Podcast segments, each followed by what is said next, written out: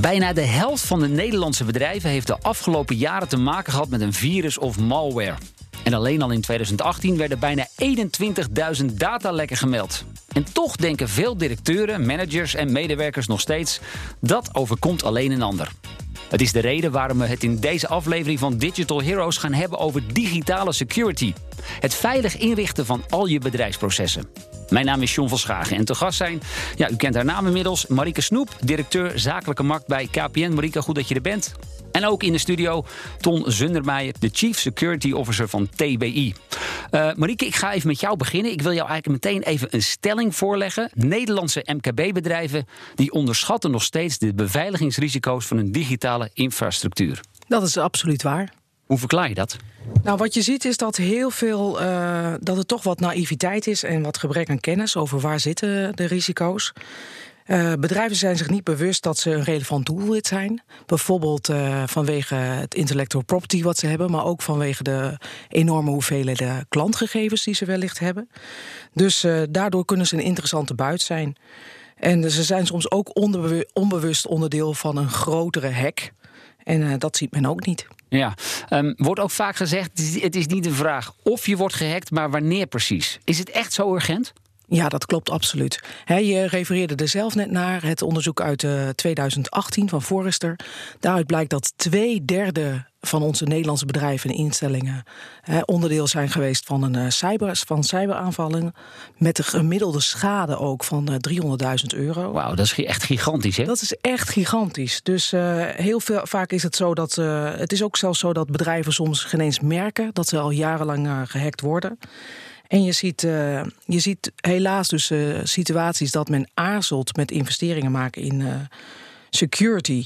Maar het is absoluut urgent. En zie het echt als de opstalverzekering van je huis. Ja, Ton, ehm, hoe zie jij dat vanuit jouw rol als Chief Security Officer?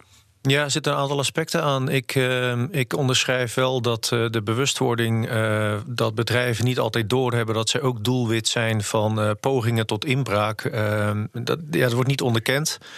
Um, terwijl ja, in de systemen die we hebben is duidelijk te zien dat je misschien niet gericht doelwit bent, maar uh, eigenlijk mensen proberen in het wild bij jou binnen te komen. Ik zie het vanuit uh, Afrika, Nigeria. Ja, als een soort bazooka schieten ze dan overal hun kogels en dan hopen ze maar dat ze ergens een achterdeurtje vinden. Ja, ze proberen het. En uh, er zijn op het dark web zijn lijsten met uh, gebruikersnamen en wachtwoorden te vinden. En die gaan ze gewoon proberen. Um, en natuurlijk de phishing mailacties, uh, waarbij, uh, ja, hoe moeilijk je je wachtwoordbeleid ook maakt, mensen eigenlijk uh, door één klik jouw volledige wachtwoordbeleid.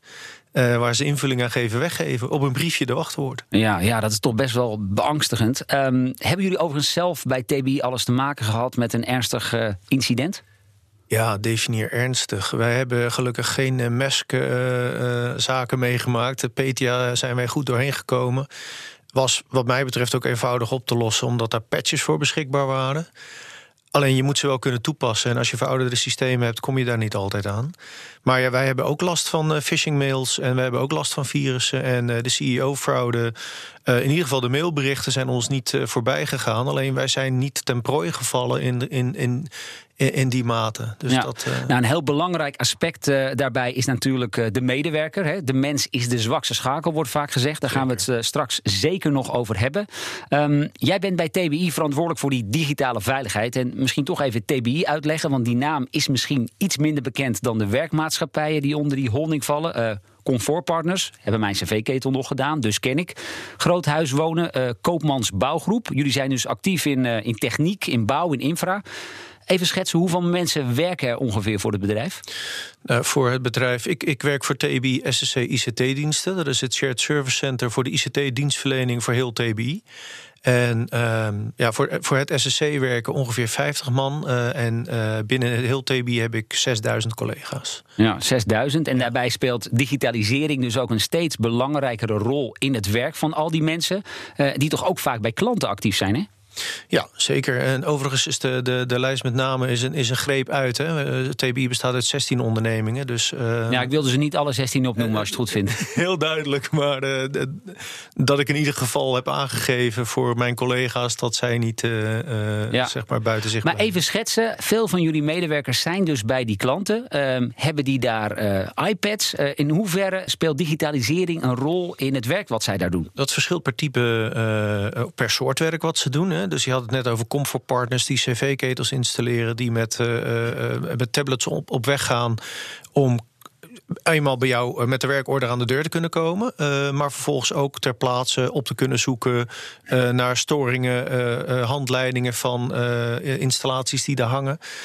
En ehm, eh, aan de andere kant zitten we natuurlijk ook uh, niet alleen met de klant, maar met, met andere leveranciers in samenwerkingsverbanden, waarbij we ook informatie met elkaar delen, met laptops en dergelijke. Ja, je zegt het delen van informatie. En als ik jou dan de vraag stel: wat zijn de belangrijkste risico's voor jullie bedrijf aangaande cybersecurity, dan denk ik al heel snel aan datalekken. Ja, datalekken zijn een heel belangrijk uh, risico. Uh, natuurlijk ook door de, uh, de boetes die erop zijn komen te staan met de introductie van de AVG. Maar daarvoor ook al via de bescherming persoonsgegevens. Um, maar datalekken is misschien wel wat te krap. want dan als je de definitie pakt, heb je het over persoonsgegevens. Maar dus ook de bedrijfsgegevens moeten we niet vergeten. En uh, bij het melden van datalekken wordt veelal alleen gedacht aan die persoonsgegevens. En daar heb je een stukje bewustwording. Ja, dan gaat het bijvoorbeeld over offertes, uh, bouwtekeningen, dat, dat soort zaken. Offertes, bouwtekeningen. Uh, we willen natuurlijk niet dat onze prijzen of onze inkoopvoorwaarden bekend zijn. Maar we willen ook niet dat er tekeningen op straat komen te liggen van bepaalde objecten die wij mogen maken. Ja, Marieke, zie je de risico's die Ton hier schetst, zie je dat terug bij meer organisaties? Jazeker. Zoals Ton uh, schetst, uh, bedrijven digitaliseren steeds verder. Medewerkers willen ook anywhere, anyplace, any device kunnen werken. Uh, we zien dat alles steeds meer ook internet gerelateerd en cloud gerelateerd wordt. En alles wordt connected en daarmee nemen de risico's toe. Ja, en dan zijn dus organisaties, uh, nou ja, mogelijk als TBI, zouden daarvan dus het doelwit kunnen worden. Um, de initiators, dat zijn die cybercriminelen. Wat, wat weten we eigenlijk over die groep? Is dat echt ja, georganiseerde misdaad? Zijn dat bendes uit Afrika, uit Azië, die dan maar even in het rond schieten en dan hopen dat ze ergens dus uh, ja, een achterdeurtje vinden? Nou, ik zal het zelfs geen rondschieten noemen, want ze zijn verder in AI soms uh, dan de bedrijven dat zijn. Uh, als je kijkt naar de dreigingsmatrix in uh, Cybersecurity Beeld Nederland, dan zien we inderdaad dat helemaal bovenaan staan echt de criminelen en criminele organisaties. Maar er zijn natuurlijk ook landen die georganiseerde bedrijfsspionage plegen. En je kunt ook last hebben zelfs van wat ze noemen script kiddies. Oh, dan moet je even uitleggen. Ja, dat zijn eenlingen die eigenlijk onbedoeld iets hacken. Ja. Dus uh, programmeurs maken natuurlijk iets voor uh, goed gebruik. Maar je kunt je ook voorstellen dat je per ongeluk alle verkeerde knoppen aanklikt. en ergens uh, bij gegevens komt die je niet hoort te zien. Ja, oké. Okay, dat, dat, dat, dat woord moet je nog één keer even zeggen? Script kiddies. Gaan we niet meer vergeten. Um, dat, dat zijn dus de, de, de, de dreigingen die er zijn. Dan zie je dus dat er steeds meer bedrijven kiezen voor zogeheten managed security. Ze besteden dus eigenlijk feitelijk hun cybersecurity, of in ieder geval een deel daarvan, uit aan een gespecialiseerde partij. Uh, zoals KPN bijvoorbeeld. Wat zijn daarvan de voordelen? Nou, het gaat natuurlijk allemaal over ontzorgen van de klant. Zodat de klant zich gewoon kan focussen op hun core business. En op hun kernactiviteiten. En gewoon weten dat de security op orde is. Uh, wat wij doen is, uh, wij maken een inzicht in bijvoorbeeld het uh, dreigingslandschap. Wij zorgen dat bedrijven de juiste investeringen maken in security. En je kunt ook echt bedenken dat wij het security personeel leveren, zodat het bedrijf dat zelf niet allemaal uh, in dienst hoeft te hebben. Ja, en is het dan een kwestie van even aanvinken wat je wilt? Uh, bijvoorbeeld van één onderdeel uitbesteden naar een compleet cyberdienstenpakket?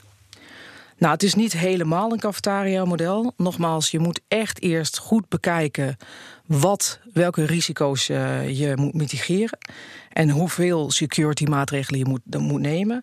Wij uh, bieden als KPN dan afhankelijk van bedrijfsgrootte verschillende oplossingen. Dus soms bundelen we onze oplossingen in. Zoals bijvoorbeeld in KPN 1 uh, Clean Internet, waarbij je veilig kunt ondernemen met KPN 1. We bieden ook dingen zoals secure networking. Soms gaan we ook naar echt managed security services. En bij hele grote bedrijven of bedrijven die onder een specifiek risicoprofiel zitten, doen we ook echt maatwerk. Ja, nou zien we Ton is werkzaam voor een bedrijf met 6000 medewerkers maar liefst. Um, ik heb altijd een beetje het idee dat cybersecurity pas gaat leven bij organisaties ja, van enige grootte.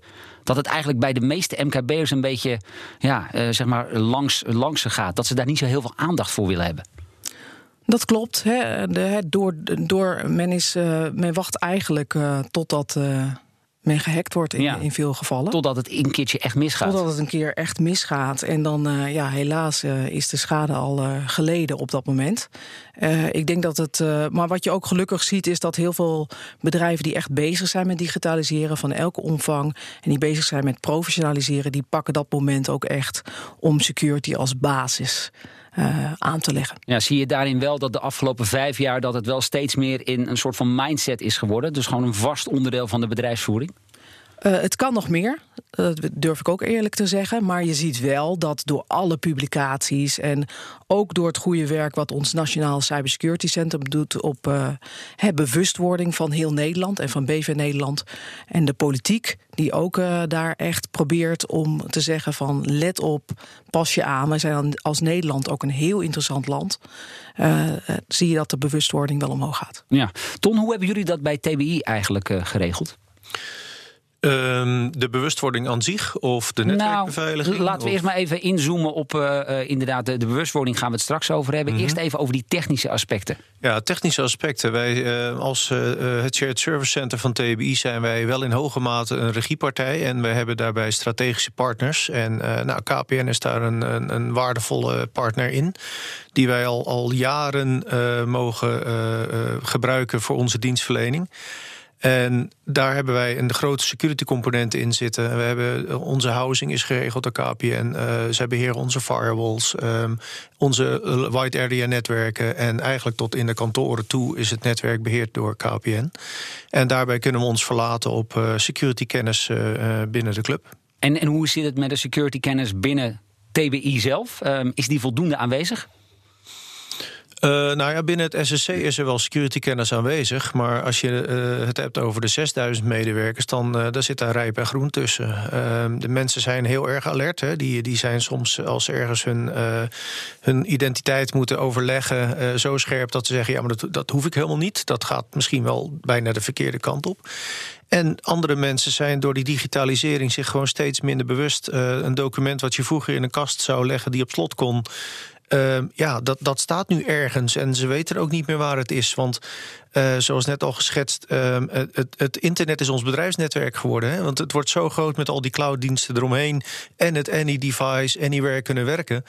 Uh, dat je, je kunt er geen hekje meer omheen zetten. Het is zo vluchtig geworden. Van datalek tot computervirus, de gevolgen van cyberaanvallen kunnen uiteenlopen.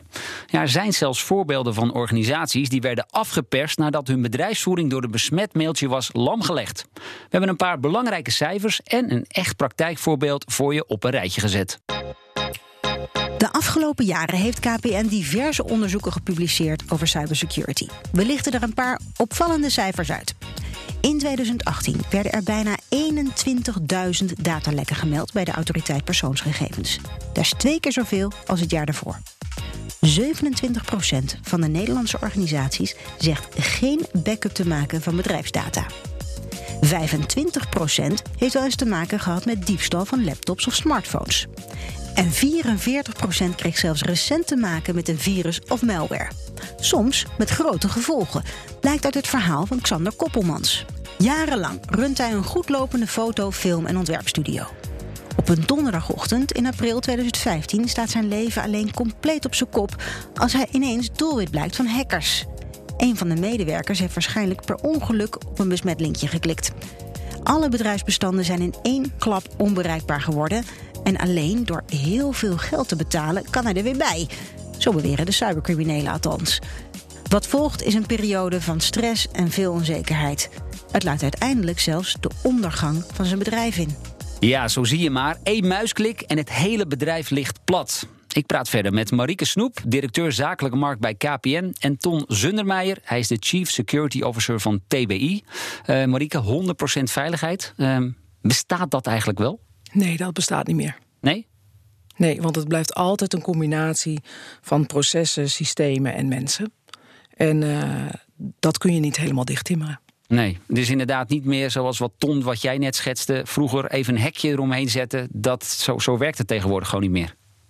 Nee, um, je, je, je kunt eigenlijk ook zoveel spul kopen om jezelf veilig te maken, maar dat dan wel tussen aanhalingstekens. Um, er zijn heel veel bedrijven die erop inspringen en misschien wel op basis van angst proberen producten en diensten te verkopen. Uh, wij hebben ervoor gekozen om een, een echt wel een, een risk-based uh, investeringen en, en een lange termijn plan te maken. Maar ja, dat betekent ook dat je risico's inschat. En dat zijn alleen de risico's die je dan ziet. Dus ja, je kan er niet aan ontkomen dat er ook risico's bij zijn die je nooit hebt voorzien.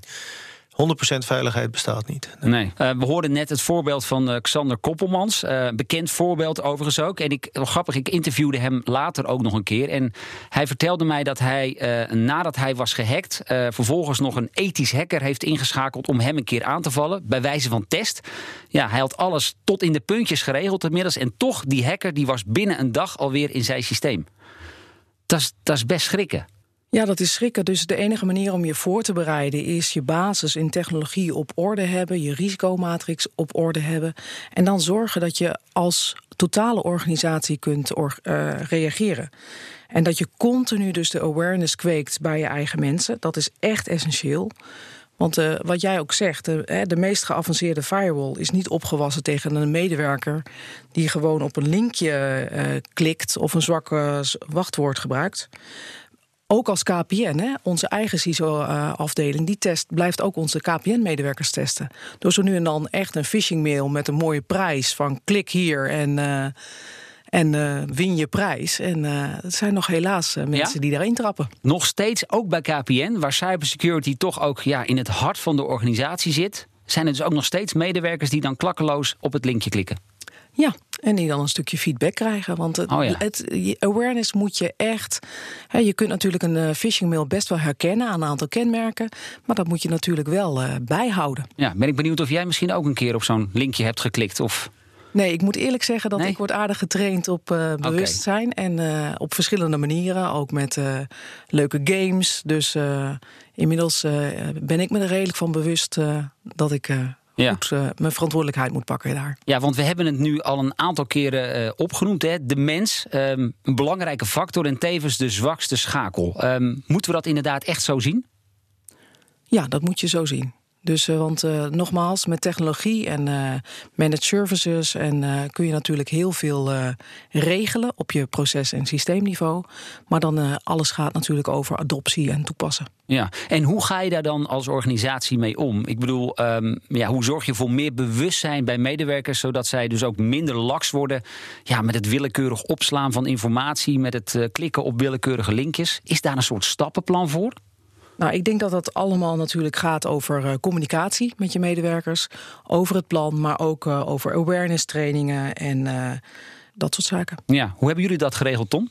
Ja, het, het gaat inderdaad om, om, om communicatie. En we hebben dat in aanvang geprobeerd in eigen hand te regelen door dat in nieuwsbrieven te doen, aan te haken op thema, dagen of weken die landelijk op kalenders staan, die dan s ochtends op de radio ook voorbij komen. En vandaag is de dag van het wachtwoord. Uh, dan besteden wij de aandacht aan. Maar je ziet dat het, um, om echt bewustzijn te kweken, moet er ook wel een, een, plan achter zitten. En je moet een lange adem hebben. En uh, we hebben recent een, een, een, externe partij in de arm genomen om met ons een, uh, echt een programma op te zetten voor twee jaar.